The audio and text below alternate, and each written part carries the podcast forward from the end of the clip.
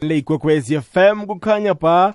Hayi siyathokoza ke mlaleli gogwezi FM kokuthola usabeke indlebe ngalesi sikhathi khumbula ke bona amahlelo wethu wezifundo nala angena ngo half past 10 ayatholakala kuma podcast ku website yethu ethi www.ikwekwezfm.co.za wenza bunjalo uzoyithola ulilalele ngesikhathi ofuna ngaso. Khumbula ke bona mlaleli gogwezi FM sikhamba phezulu kwenyanga yethando la. Eh i-valentines iyeza ngomhla ka-14 february. Sithe namhlanje yakhe sitshatshe nje ithando nje lona.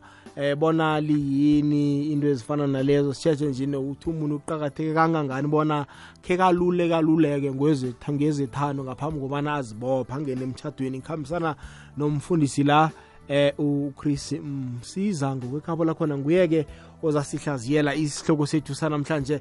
Umfundisi wami siyakwamukela kukwekwezi FM kukhanya ba mthombo. Nivukile mfundisi?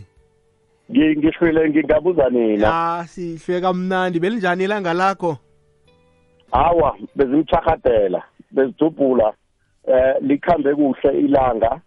Eh likhambe kuhle khulu kwamanikelela siyathokoza kuleyo ndawo. Lotshisa umlaleli kokwezi FM akusitshele nje kabanzi bona umfundisi uChris ungubani wenza muphi umsebenzi? Eh mthombo ngiyathokoza. Ngiyakulotshisa mlaleli wekwekwezi FM ulotshiswa ngumfundisi eBrongoro eBroton obukhulu uChris Msiza. Eh ngokukhonza ngilapha ezithobeni eh extension 2 eh ngingumfundisi begodu ngikhona kwezehwebo begodu eh sirata i-men's forum lapha eBrongoro ngamanye amezwi sihlanganisa abobaba ukuthi sikhuthazane eh ngokuba bobaba nendima efanele siyidlale emakhayeni wethu. Iya mthombo awuzweke iyazokala mfundisi wami. Namhlanje sithekhe sithethe nje indaba yethando nje ukuqakatheka kwayo. Umfundisi akusifake nje esihlokweni sethu sanamhlanje leyini ithando akusihlukanisele ngendlela khona? Mthombo eh ukuya ngesihloko sanamhlanje sikhuluma eh ngothando ukuthi kuba yini imitshato eminingi kwangathi ayisanalo. Uthando kanti kuhle kuhle uthando yini? Nokuqakatheka kokuba eh nama marriage counseling eh ukwelulelwa ngomtshato ngaphambi kokuthi ungene kiwo. Eh mhathi ngifuna ukuthi kuwe kuqakathekile ukuthi sizwisise bona uthando yini. Eh iBhayibheli lithi bobaba thandani abomkenu. Bese naliza ngabomma ulizwe kuhle. Alithi bomma thandana abobaba lithi bobaba i mean bomma ezithobeleni abobaba. Njengalokhu uKristu wathanda ibandla litshela abobaba iBhayibheli. Ngamanye amezwi uthando yinto ekhona ukuletha abantu ababili ukuthi bakhone ukuphilisana. Kodwana ngokuhlathulula kweBhayibheli njengobanyana lithi abobaba mabathande abomma libuye lithi njengalokhu uJesu wathanda ibandla uma uqala indaba yakaJesu yokuthanda ibandla ufunyana ukuthi eh number 1 uJesu wathanda ibandla lingamazi. Nawuthi uyibuyisela ngendlela abobaba basoma ngayo abomma ngubaba othoma asukele umma khamba lapha athi yendwana akungijidele lapha nepuphu ngingakuthengela yona. Uma lo angamazi lo ubaba. Ngamanye amezwi uma sikhuluma ngothando kuba khona othoma ezwe ukuvutha kothando ngaphakathi kwakhe. Bese ulemukisa omnye lo amthandako eh eh ukuya ngeBhayibheli uJesu wathanda ibandla. Bese uthi nabo baba mabathande abomma. Okwesibili uma uthi uyathanda uthando uma ngingaboleka kancane esikhuweni li unconditional ngamanye amezwi ithando lamambala alinamibandela. Awukhoni ukuthi ngikuthanda ngombana wathi ngikuthanda ngombana akusesengiyo ithando. Ithando alikafuzi ukuba nemibandela. Yingakho ubaba othanda mbala akanandaba ukuthi umma lo amthandako ungumma ofundileko ungumma osezingeni eliphezulu ungumma ophuma emzini omuhle of umuzi osaphakamako. Umthanda anjalo lithando lamambala. Manje ibhayibheli nalithi abobaba mabathande. Ngamanye amagama akuzukukhonakala ukuthi kube nethando kungekho oluhola phambili. Kufanele kube nomuntu othwala ukuziphendulela kokuthi ithandweli libe khona begodu lithelelelwe likhule eh kube nguyoholako. Manje si uma siye esondweni uJesu nguye osithandako nguye osukeleko singamazi wasitshela bona uyasithanda bewanikela ngaye wasifela. Ngamanye amagama lapha kunothando khona mpele kube nomhlatshelo kufanele kube khona owenza umhlatshelo noma ama-sacrifices. Uma sikhuluma ngothando lwamambala ubaba ucucuzelwa ukuthi kube nguye eh oyihola phambili ngamamezwi oleader by example. Eh uma ngathi uyaqala ithando nalingana umuntu oliholako likhamba likhambe lichaphe. Uthi uzimu encwadini kaGenesis nakabuza uAdam uthi Adam komngathi eh nihlukule kuba yini nithi nizifihlele mina? Uthi uAdam ongafuna ukuhola endabeni yakhe noEva ublame umma lo. Uthi kuloma onginikele yena umfazi lo onginikele yena. Ithando kufanele kube khona umuntu oholako othatha iresponsibility. Ithando liyavuselelwa uthando liyakhwezelelwa ngamalanga njengenkuni lokhu nawothela umlilo. Walisa isikhunesa eh satsha satsha wangakhwezelela. Umlilo umlilo lo uzokucima. Manje uthando liyakhwezelelwa ngibamba ngiba ukubamba lapho kancane ke siyokuthengisa sizokubuya. Mhathi hmm. nambalala ikokwez FM kukhanya pa 19 minutes to 11 sikhamba nomfundisi uChris Msiza la. Sijeje indaba ekulukazi indaba yethando. Mfundisi wami ngikuzwena ukuthi ithando liyathelelelwa. Ithando lifana nesitshalo waliselela liza kuchwaba iye iye mhathi iye uthando eh limimizwa manje nalingathelelelwako eh liyabhubha. Liyabhubha eh mhathi nangiragela phambili uthando esinye isikhathi eh phakathi kobudlelwano babantu ababili namtjana emtshadweni eh aye sifunyane ukuthi abantu balila ngokuthi uthando lwamambala alisekho ngombana eh eh, eh abantu sebathanda into eziphatheka eziphathekako material things. Kuhle kuhle uthando njengobanyana ngitsho ukuthi ukuze libe khona kumele kube khona umuntu othwala ukuziphendulela. Kumele kube khona umuntu oholako. Manje sizwileke ukuthi ukuya ngebhayibheli bobaba efanele kube ngibo abadosa abadosa phambili indaba yothando. Manje sisuke singabo baba-ke singayidosi kuhle phambili. Athi ngenze umfanekiso. Ubaba nakafuna ukusoma umma esinye isikhathi uza nesipatshikazi esigcwele imali lapho mntu uholile ukhuphe umholo woke i-fifteen thousand yoke ugelagela nayo ngesipatshana ngedrobheni. Nakafuna ukudosa umma lo uqalisa isipatshi esingakuye akhuphe i-twenty rand ahlangana ne-fifteen thousand. Bese umma lo eze ngesibanga se-fifteen thousand le manje wenzani nawenza njalo? Ubeka istandard sethando leni ukuthi ithando leni likhamba isipatshana nasigcweleko. Uma lona kathoma enza indingo ngoba abomma kaningi sesiyabablame kodwana istandard sibekwa bobaba sethando. Uma uza alindele ukuthi wena ungani yingakho ngiphe esomako so uma lona kafika lapha wena umdosa nge-15 000 nakazothoma abawa imali uyothi akungiphi 5000 lapho. Siyabuya ke singabobaba sithi no awukezi ngethando wena uze uyi-gold digger ngabanezwi uze ngokuthi uzokufunyana ini uzokuzuza ini wena awungithandi. Khibe wena azange umfundise umalo ukuthi nithandane um, umdose eh ngento eziphathekako onazo. So ngisendabeni ukuthi uthando phakathi kobudlelwano mtele kube khona onokuziphendulela okukhudlwanyana kunomunye. Kube khona ezimisele ukwenza imihlatshelo ukudlula omunye ukuze ithando lelo lihlale livutha. Akhe ngitshe lapho kancane eh emhathi ngikunikele ithuba lokuthi unandi utarhatarha ngambala kuyazwakala umfundisi wami la ngiyakuzwa uthi-ke ithando ngendlela eliqakatheke ngalo. Nakho-ke mhlawumbe abantu sekufanele bangene emtshadweni kanenge haye siyecisela amehlo indaba yokuthi abantu kufanele balulekwe.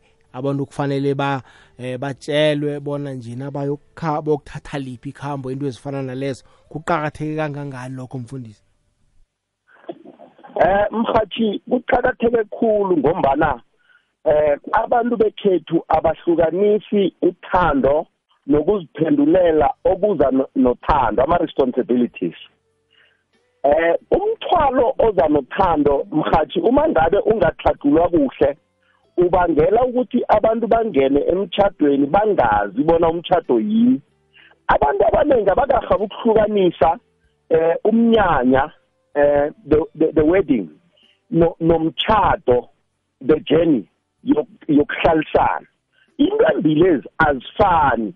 Kufanele umuntu adlule ekutheni ngomnyanyami ngifuna ukubakhuphela inyawo ngifuna ukuthi ngimbathe irogo enjenje edura kangaka kangaka umnyanyami ngifuna ukuthi ube sendaweni enjenje ephezulu namtshana edurako. Kufanele akhone ngomkhumbulo ukungena emtchadweni akhambe leli khambo abone ukuthi uzalikhona na. Asengenze umzekelo eh sinama alphabet awu6 esiwaberegisako eh ukuzama ukulemukisa abantu ukukakatheka kokuzwisisa umuntu othi uthandana naye. Ngaphandle kwemizwa ye-two minutes kunokufisana nani babantu khulukhulu umuntu nongakamazeli ukukhubazeka kwempilo yakhe kunokufisana ungakathomi ukumazi. Yingakho ngesikhuwa abavumi ukuthi uthi umuntu uyamthanda ungakahabi ukumazi. So kunamagama amabili ababeregisako ngesikhuwa umuntu nakasakarako ungakahabi ukumazi baberegisa igama lokuthi like. Ngamanye amagama usakara umuntu lo. Kodwana nakuhamba kuhamba kuhamba uthoma ukumazi uthoma ukwazi bekhabo uthoma ukumazela into ezihle nezibhedako then ungathoma uthi sele ngimazi ngiyamthanda baberegisa igama elithi love. So kunama-alphabet ayi-six esiwaberegisako ukuzama ukuhelebha abantu ukuthi bazwisise ukuthi umuntu lo bayamthanda namtshana seyintonyana yanamhlanje izokuphela kusasa. Asengikhulume ngala ma-alphabet. Eh nasilulela abantu. Hey utsho ukuthi i-appearance ngamanye amagama umuntu lo nakavelako uyakara na? Uyabona kunabo baba bakarwa bomma ngathi banomzimba so? Bese kube nabo baba bakarwa ngabomma ngathi eh bancanyana ngomzimba so? Abantu abafani ngento abayithandako. Bese nabo abomma kunabomma bathanda ubaba engathi mudanyana. Bese abanye bathi omfitshazanyana lo nguye okarakhulu so i-appearance nakavelako mhlobo okukarako na? Kaningi nagade navane sithi sithanda umuntu vane sisakarwe ukuthi nakavelako ujame njani? And ampori leyo ibundrwana eh nasithoma ukwazi ukuthi kunesokana efanele lisome njani njanyana sesiphelela lapha ekuteni hey wami lo muhle. Bese kube no B u-B lo utsho ibhodi ngamanye amagama uwakheke njani? Mhlobo uthandako na? Ngoba sibabantu asithandi into efanako. Bese kuba no-C u-C lo utsho i-characteristics ukuziphatha komuntu. Nasele umuntu lo akarile ngaphandle apha wakhona ukumlotshisa wavuma esinye isikhathi wakhona ukuba nenomboro wakunikela. Nawumbhalako umuntu lo nizokukhonana na nawuthoma ukumfunda lokho kwenzeka um emalangeni amalanga nakanandakhamba umjayela umuntu lo uthoma ukumfunda bona mhlobo bani womuntu. Bese okuqakatheke khulu u-d. U-d utsho i-disadvantage. Omunye nomunye umuntu ohlangabezana naye angekhe wamfunyana aphelele ngento othi wena ubhudanga ukuthi ukereye umuntu ozomthanda onjalo. Uyofunyana ukuthi nangabe uyakara eh ngokuqaleka kodwana ukereye ukuthi akakhoni ukukhuluma kuhle umuntu othi nakakhulumako aphudlenyana so akhuluma amagama abeke kumbanyana so ngathi akahloniphi. Into enjengaleyo fanele uyiqale ukuthi mina ngingangomsiza ngingakhona ukuhlala noma ongahloniphiko okhuluma bhamba okhuluma buthobhori ngihlale naye abe ngumama kwami na? Ubufundisi obu buza kukhonana noma onjalo na? Akazi ukubhuruza isondo uqala into enjengalezo. Nangabe um usukhuluma rofanyana mara se sekukhubazeka kwakhe uza kukhona uza kulungisa awa uyamthatha uhlala naye. Kodwana mdela ube neqiniso ukuthi mina ngizamkhona umma na? Ovukele emakaradeni awu abanye bathi awa solanka angasingumma ugijima nabanye abobaba. Sekumakarada kuphela. Awa nakawinileko musinemakarada apho uthenga isitshebo nami ngiyadla. Awa amakarada akasiyikinga so mpela uqala udilo ufeyini ukuthi ngizomkhona na? Bese kuba no-e. U-e lo ujamele i-education. I-level yakhe ye-education ingangani? Asengenza umzekelo. Um asithi uthatha uma ongakangeni isikolo total. Wena unama-degree ayi-four ayi-five. Ezinye zezinto ozaziko nawuthi uyamthathula mangisa emhlanganweni onje sokucetha ivek athi hawa abazi namhlangano. Mhlangano ethatha amalanga amahlanu uya kwabanye aboma so mtele uqale ukuthi niyazwisisana na i-level ye-education and i-education noma ifundo ayitsho ukungena isikolo kuphela. Abantu bangangena isikolo babe nama-degree bobabili kodwana ufunyana ukuthi omnye lo akakafundiseki ukusuka ekhaya. Indlela akhuluma nawe ngayo ayisingiyo. Fanele uqale ukuthi yinto engalungiseka namtshana into ezokubhalela. Yokugcina namtshana yamaswaphela u-f family background. Iqakathekile and kaningi siyeqisa amehlo into leyo. I-family background kunezinye izinto nawuthoma ukuhlala nomuntu uyakhona ukuzifihla. Eh uyabona musi nawuthoma ukuhlala nomuntu noma umgadangile akathi hey uyangigadanga wena. Uthi hawa mani baba akubone lapho inyawo lami lingene ngaphasi kwelakho. Kusafihlwa lapho kusaphilwa amala. Kodwana i-family background ikhona ukukusiza ukuthi ukhona ukufunda bekhabo aba leyo kiyo singafaka nabangani bakhe so ukuthi na ubone abantu aphila nabo abamakhileko abamenze ukuthi abe ngilentwa ngiyo namhlanje banjani bona? Manje bona ngoba abanamude yokuthi bakufihlele ukuthi banjani uzokhona ukubafunda msinya. Yena uzothi nandaphila phila amanga bethi bewufike lapha kufuna khona lapha uthi khona i do manje iqakatheke khulu i-counseling ngoba i-counseling iqala into eziningi nokuthi niyametha na? Lapha ningamethi khona eh nibone ukuthi into engalungiseka namtshana ingalungiseki. Kodwana inkinga yabantu abaningi ababi neqiniso lapha babona khona ukuthi ngekhe balunge. Eh ikakhulu thina abantu bembaji ufunyana ukuthi eh kuboma sesihabele ngemtshade kuphela. Asikaqali into eziningi ukuthi uma lo ngendlela umkhumbulo wakhe usebenza ngakhona yinto engingayikhona na? Sengihabele nedi ukuthi um ngiyokubika ngemtshade ngafika ngemtshade kwalunga lapho hawa okuningi ngizakubona phambili. Yingakho abantu baphethwe zintrese um badosa nzima badosa emhlweni um phakathi kobudlelwano babo. Iyazwakala mfundisi. Hayi nomlaleli asingamvaleli ngaphandle. Mlaleli 086 03278 086 03278 namkha ku-079 413 2172 0794132172 mfundisi wami kunanasa into abayibiza ngama amathwayo wangaphambi kobana ningene emtchadweni ama-red ama flags. Aqakatheke kangangani? Kulungile na bona ungaweqisela amehlo eh angekhe akubambe ngale komtchado na? Eh mhathi azokubhudungela. Eh mhathi eh, u- uma ungabuza abantu abaningi abasemtchadweni izinto ezikubamba emtchadweni zizinto ozibonileko ngaphambi kokuthi uzibophelele kodwana wazeqisa amehlo.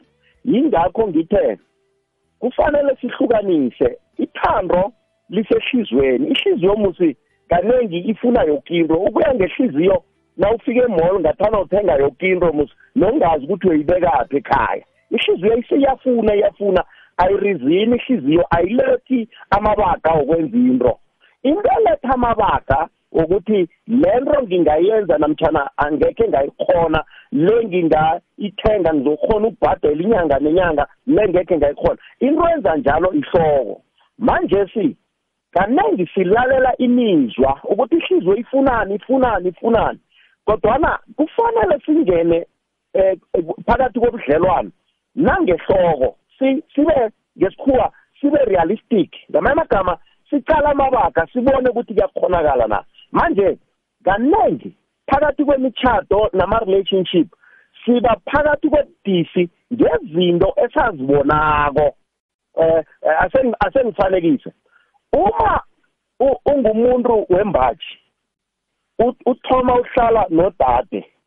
Udade othi naba nabathi ekhabo eh uyaphi? Ungakhweli ikoloyi leyo ungakavasi izitsha bese abathi ngehlamba athi va va va va. Athi kunina ufuthuka umnakwabo ufuthuka abantu. Ucabanga ukuthi wena akazokuthuka na nasewakhe umuzi naye na? Yi-red flag into leyo kodwana sikhethe ukuyecisela amehlo ya iyazwakala mfundisi wami.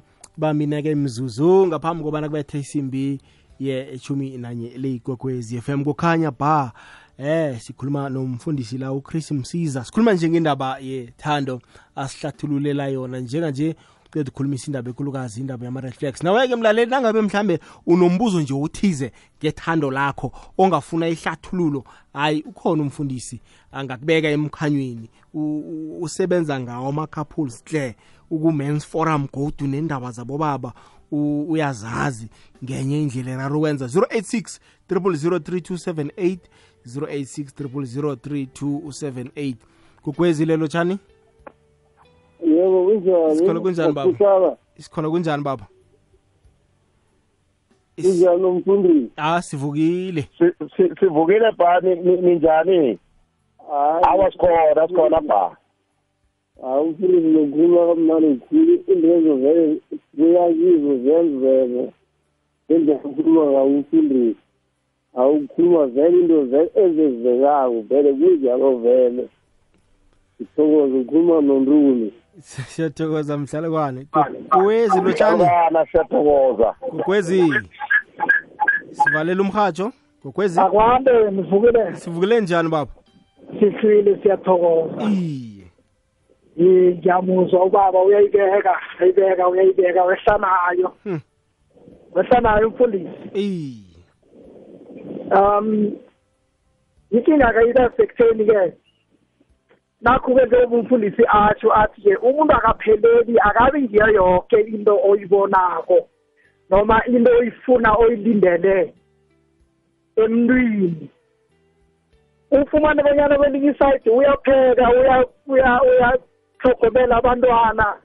Mara ufumane bonyana kasisikune mana isinto sikune okuhlanze ufumane ukuthi na ungekho nathi uyabuya ufumane sekuyadanadaniswa ke nina phase kumayalayalanyana aloko kwenziwani-ke mde umfundisi uthini? Uthi mde ngihelebheke mhlawumbe nami ngiguce ngamadolo sathi sitshela phansi ngikorode ngimhelebhe ngimhlangabeze bonyana ngoba kwelinye isayidi uyakhona muhle lapha nalapha ya. Mm. Angazi umfundisi lapho udlula njani kiki izaba njani na ufumane bonyana ubaba ayingeni sengiphethe isitsha? Akhe ngiyakorobha lapha ngibuye emberegweni ngisambethe nama-overall. Dobha amaphepha ngaphandle idlula njani nayinjalo umfundisi Si- hayi. siyibambe njalo sithi buholi lobo. Hayi baba uza kulalela umhathweni ngiyathokoza nihlweni kamnandi ngiyo. Siyathokoza baba. Gogwezi Sithokoze. gogwezi lotshani gogwezi yelo alo. Kunjani baba?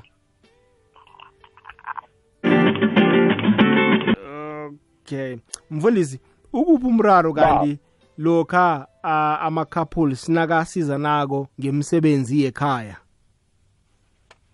Eh mthombo akunamraro lapho. Eh imizi le ayifani.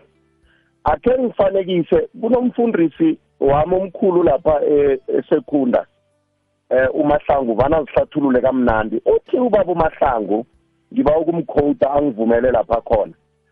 Uthi ubaba umahlangu nakathoma ikereke eh esekunda umama kwakhe kade aberege embusweni eNelspruit asuka esekhunda ekuseni abuye entambama. Wathi uthi ubaba mahlangu nakaqala kwathola ukuthi yena imali engenayo ngakuye ayisinenganyana so wabona ukuthi ukuze umzabo lo unzinze fanele athome asize umma lo ngezinye izinto ebefanele ngathana ukuya ngenjayelo zenziwa boma kodwana uma ukuhamba ngamarimarima ekuseni ukuhamba ngabo-four ukuya ngabo-six entambama uthi umfundisi kwasekukhosa ukuthi kube ngimi engihlambisa abantwana ngibase esikolweni ngoba ngi- ngiberegele ekhaya ngimfundisi kwaba ngimi engibamba impoto. Ma ngizama ukuthi into eberegela umsiza akusiyinto engaberegela umthombeni. Kuba yini? Ngombana imvile ayikajami ngokufana. Manje ake ngithi mina iba mholi wena yini ukuba mholi? Ukuba mholi ukwazi ukukhubazeka kwangakwakho bese ukulungisa ngendlela efanele ngakwakho kuphela. So uma singathi sifuna ukuthi into le kube ngenzi yonke ukuthi ubaba angathomi abamba ipoto manje kuba njani lapha khona ufunyana ukuthi uma ubereka kude ubuya ngabo 8 ebusuku? lapha ubaba loya othi yena akabamba ipoto kibe yena u- uma wakwakhe akabereki namtshana ubuya ngabo 4 ubuyela ubaba ntange. So akuna one size fit all. I- yinto ukuthi umzi nomuzi akhe niziqale nina ukuthi indaba yangakwami ijame bunjani. Ubaba uthi manje ufunyana ukuthi uma lo ezinye eziyabamba bamba impoto ukhuthele wenzani kodwana lethi lapha e- e- e- ekuhlengiseni ngendlina kuba nalapha chapha khona. Iye ngilento engiyitshoko ukuthi fanele manje uhlale phasi uqale ukuthi umhlobo onjani wena womuntu. Ake ngifanise naso indaba. Kunomehluko phakathi ko- komuntu wembaji okhuliswe nguyise nonina. Nomuntu wembaji okhuliswe kunina kuphela namtshana nguyise kuphela.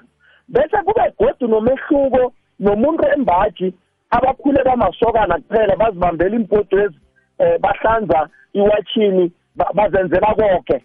Bese nomuntu okhule ekhabo kulabo dadwabo abenza indwezi so labo bantu bonke izinto eziqakathekileko ngikhaya azizukufana kibo akhe ngifanekise umuntu okhule anobaba noma isokana elikhule linobaba noma aberega noyise ngaphandle balungisa iinkoloyi benzani benzani. Nakafika ngekhwitshini akazukuqalisisa. Kodwa umuntu okhule mhlambe bamasokana kuphela eh kunguye ozenzela kwempotweni apha vasa eh ayina enzani? Nakangena ngendlini uzokubona imphoso ngendlini. Bese siyabuya ke kuba nesokana elikhuliswe ngunina kuphela. Isokana elikhuliswe ngunina kuphela nesokana elikhuliswe ngunina noyise isokana elikhuliswe nguyise kuphela nabo abafani. Asengifanekise nje elikhuliswe ngunina kuphela. Isokana elikhuliswe ngunina kuphela liba namathelenyana so bumma so. Uyayibona ne? Into uyayilandelela kuthi ukuthi nangathi kuwe i- i- i- ipoto le uyiboleke bani khambe uyeyilanda ayizukuphela indaba khona njengoba bomma balandelele entweni eziningi so na- nabomma mtele bazwisise nakazokuhlala nomntu wakhe le ukuthi umntu wakhe lo i-background yakhe inje ukhulise so. Ngamanye amagama nakuba nenkinga lo- leyo uzozama ukuyihlathulula so. So u- umuntu okhuliswe ngumma nokhuliswe ngubaba nokhuliswe bazali bobabili abazukubona izinto ngokufana. Yingakho ngekhe sathi one size fit all. Iyazwakala mfundisi 086 3003278 zinomboro zethu uzomtato i-whatsapp number yethu ithi 0794132172 gogwezi lotshani? Hallo, kunjani baba? Ngikhona kunjani? siyathokoza. Mina ngicela ukubuza la, makubuphila nomama ufuna ukungena emshadweni naye? Mara unenhlwe eminingi ufihla zonke izinto nefoni yakhe akafuni uyicala ufuna wenzeni? Fanele wenze kanjani? Ngifuna ukuza kumfundisi la. Awuza kulalela emhathweni baba. Okay ngizovulela ngokuqinile gogwezi lotshani Oh, gogwezi indlelafi kunjani baba? Hayi ngiyaphila mindlelafi nanku uvilile ngedevona extension three owaziwa ngutununu iye. Mindlelafi nithi mina ubaba umfundisi ngibonga amagama wakhe. Ngi- ngina fourteen years bengenza forty last year ngi-two december. Ngidlalana namthweni so nathi sifuna ukungena kule ndima le ayidlalayo le uyokwakha straight. So- mina ngithanda ukuthi amanye amazwi abawatshela ubaba kakhulu angazi ubaba uzangifakazela na ukuthi ezinye izinto azicalanga uma yedwa. Uma ngabe uyabona ukuthi uma ubhizi kokunye Mm. nawe ungakwenza okunye ibambisane ngendlini kodwa abantu abaningi njengalezi ezinye abazikhulumayo angizithandi. Ifoni uma ngabe yami eyami eyakama ngifoni yama. Asingaqali okunye okuvele esayidini. Ngithi kumfundisi pick up kule nto ayenzayo angalahli nangelinye ilanga. Nethi ngicela ukuthi asitshele iy'nomboro zakhe zomtata ukuthi nami ngelinye ilanga uma ngiphumelela ngikhona ukumthola zongakha ngakheke ngakhipha ikhawuzi yakhe ngamagama amahle akhangayo la kukhanya bhami indlela siyathokoza baba. Sithokozile. Okay Thokoza, baba. sithokozile. Gogwezi lotshani? Eh lotsha kunjani? usikhona kunjani? Anyaphilo. iye. Iya sikuzwela phasi baba Hayi umfundisi yazwakala man. Hayi. Hmm. Ngiyabonga umfundisi hayi yafundisa. yawu siyathokoza baba Ngiyathokoza kakhulu. awuzweke gogwezi lotshani lotshani Ngale mnjozi kunjani baba yavuka kunjani ya siyathokoza nginomfundisi la hawu mfundisi amagama akhe hayi awuyisikomo phasi man hawu Mm. nathi semasokana sisakhula hayi siyezwa man ukuthi hayi ibambile Da- ya hayi asikhulisa mindlo labo sibantu abatsha. Mm. and ngicabanga ukuthi umfundisi angibuyelele le u-b u-beef balloon. Okay. u-b ungishiyile u-b yena yedwa. Okay baba siyathokoza. Iyakuthokoza kuthokoza mindlo ke bakupha boma angibezwa. Gogwezi lotshani? Lotshana baba mfundisa akwanda Eh ngaba nechudo man. Hmm. Umfundisi ukhuluma izinto lezi ezikhona. Hmm. Njengokuthi umuntu uma uhlangana naye umuntu ongumama uma uqala ngokuthoma umsoma. Uyangizwa mfundisi? ah siyakuzwa ngilalela Yebo. Kusho ukuthi uma ungubaba ohluzekile ngomqondo. Ukulalela mfundisi? hayi sikulalele Ngilalela, baba. Ngilalela. Oh, khuluma. Uma ungubaba ohluzekile ngom- ngomqondo. Umuntu ongumama uma umsoma uyamrecorda wena. Uyamlalela lezi zinto azikhulumayo ukuthi no ngaba ngumama lo unguye lo ungaphila naye. Umuzwa ngasentemini iya. Ukuthi na nguye lo ungahlala naye na? Abababa esikhathini esiningi umuntu ongu- umuntu ongumama uma ungubaba uma ukhuluma naye awumrekhodi Hmm. kusho ukuthi lo muntu onjalo unga okhuluma izinto ezibolileko ngelimi lakhe ukuthi na ungaphila naye angeke uphile naye lo muntu angeke umthegulule ngo- njengoba umthola anjalo bena ngukubaba lo onekhaya kodwa ngiyamswela umama lo kuzothi uma ngimsoma angilalele. Kusho ukuthi ngimuze akhuluma uku- ngelimi lakhe eh, u- ukuphila izinto ezakhayo hayi ukuthi akhulume izinto ezibolileko. Iya ah siyathokoza baba. ngiyafuna ukuphasa mara kodwa heyi kunzima la ngaphandle babufundisi umuntu ophilileko endondweni nomcondo noma lezinto uma umbuza uma umuza akhuluma ngendlela akhuluma ngayo uyasaba. Iye. So mina ngikhuluma ngela emhluzi. Oh, la okay. emhluzi. Ah si siyathokoza Middleburg. baba. Sizokuthandazisa Yeah. uzamthola umuntu.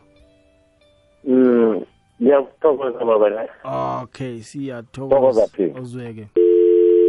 Okay. Mfundisi wami indaba yama-secret indaba yemfihlo nakho nisemtshadweni ifoni ngithi nanoma ngiyikhohliwe ekhaya ngijike ngisemlodo ngibuyele emteti ngiyokuthatha ifoni yami bazaze babona imfihlo zami.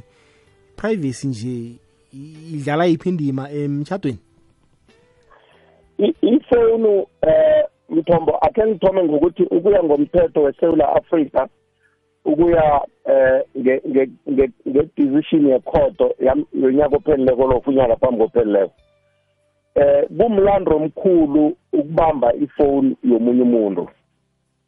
Eh na okwesibili eh mina uma ungangibuza uthi owami umbono owami umbono uzokuthi ungayikhwatha ifoni yomuntu ngoba izinto ezingapho eh zingakulimaza wena. So ngamanye amagama usukela eh isigidi sijame lapha usiqalisa ngakuwe. Nawuthatha ifoni yomuntu.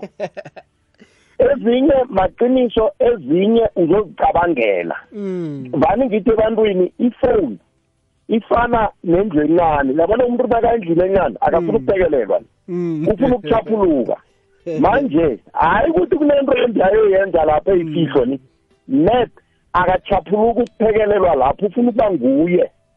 Manje nefowuni nayo injalo omunye nomunye ubhale into zakhe ngendlela afuna ukuzibhala ngayo nabantu ababazwisiswa nguye abanye uyobacabangela kanti akusibo. So ifowuni uma uma unganandi uhlola ifowuni yomuntu asibuyele esikhethwini. Esikhethwini kungakabi nemfowuni begade bathi nawuya kwakho nangabe ufuna umuzi lo ujame. Nawuya kwakho khalimela imbuzi nezinja ezingekho. Ngamanye amagama uthi ukuthi kwamapho into engafanele ukuyibona ichidisani angifuni ukulimala emoyeni.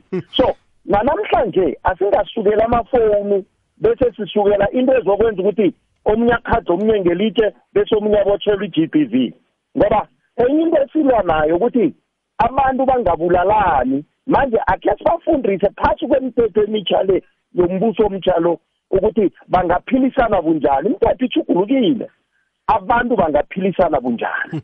I- i- iyazwakala mfundisi. Ngibawabona siyokuthengisa sokubuya uJD noLady B nabahlangeneko Madiski Divas bafika kuwe ngomgqibelo ngesimbi yesithathu bazithezile zemidlalo ingoma ezimnandi namaxoxo azokuthabisa.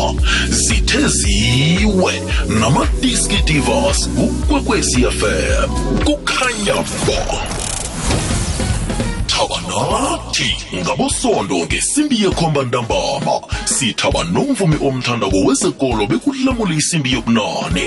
Ngemva kwendaba sifunisane inhlobo esilahlekelene nazo.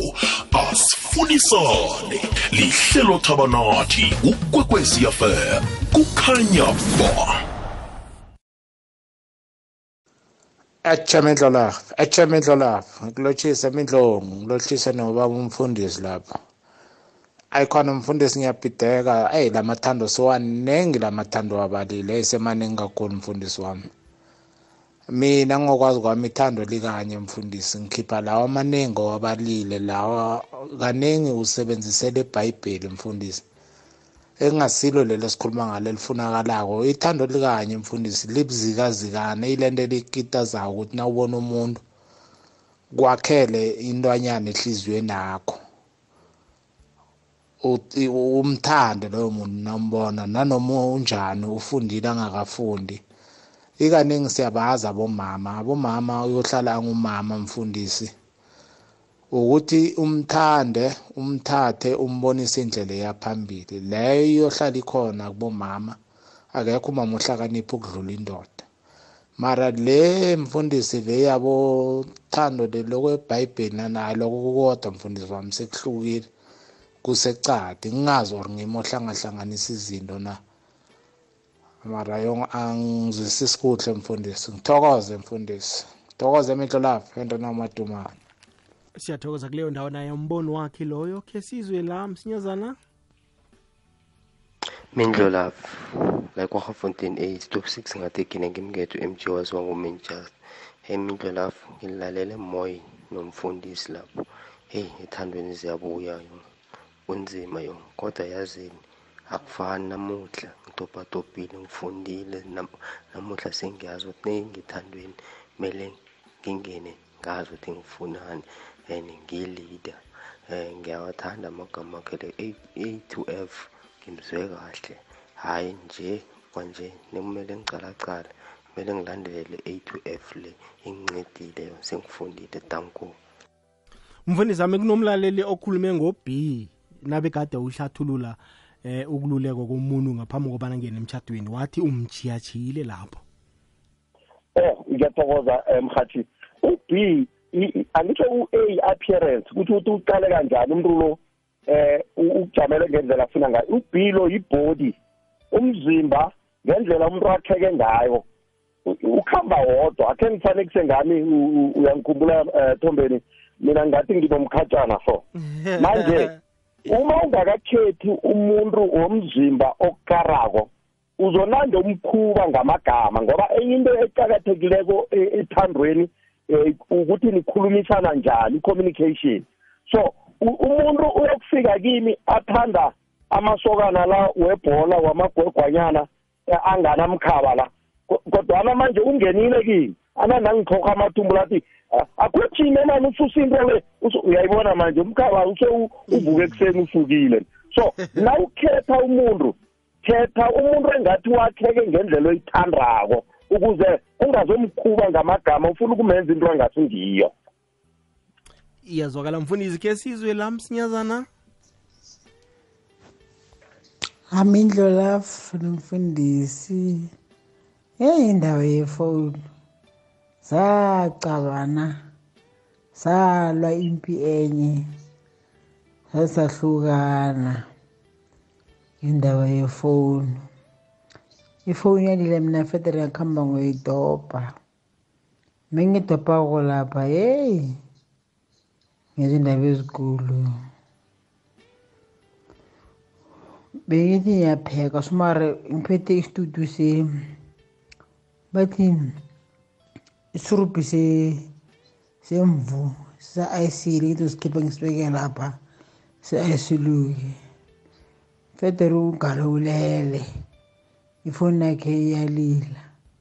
Ngayibamba ifoni le ngayiphendula ngizwe uhlolo sobari ngamphosa ngesirubhi semvuleso sine-ice makavuka la hey! Sabethana into enye msayala saze sahlukana. Akafuna ungitshela ukuthi ngubani lo ubiza malafu efonini yami efonini yakhe. Bamba ifoni omuntu uzakuzwa ubuhlungu sahlukana vele ngathi nanje indoda ngisayifuni engezwe ubuhlungu mfundisi ngihloga igama. Thank you mfundisi babaye yeyi mfundisi udadewethu ulimele hle ulinyazwe ifoni godu godu naye umuntu umfundisi nawo phela ungajambisi khulu netoilet sokuhamba nefoni nokuhlambe ukuhamba nefoni uyajampisa ukuthi kunefene lapho. Hayi. Uyazi eh eh eh mindlo lapho indaba yefoni angitsho manje sizama ukubhalansa indwezi. Asifuni abantu babotshwe nokubotshwa umthetho weSouth Africa nje uthi nawuchade nomuntu namtjana nawuhlala nomuntu akasiyi-property yakho awumu-owni. So indaba yefoni ingena lapho ukuthi eh umbuso uragela izinto endleleni yokuthi umuntu azi ukuthi nakahlala nomuntu akam-own uyazi ukuba ngeje- ngejele kodwana ungakwakho. So umuntu mdele akhululeke iye khona abantu mdele bafundiswe ukuthi umuntu angasenza izinto bhamba ngoba esinye isikhathi nasikhuluma nge-GBV le ukuthi eh abantu bayabulalana kube baphakathi komtshato of ubudlelwano. Eh babulalana ngoba umuntu nakakwatileko sikhathaneso ihloko le iba ngathi ayibereki uzwa ubuhlungu obunenkulu uzwa kwangathi umthengisile so eh manje ukuhloniphana kuyafuneka kona.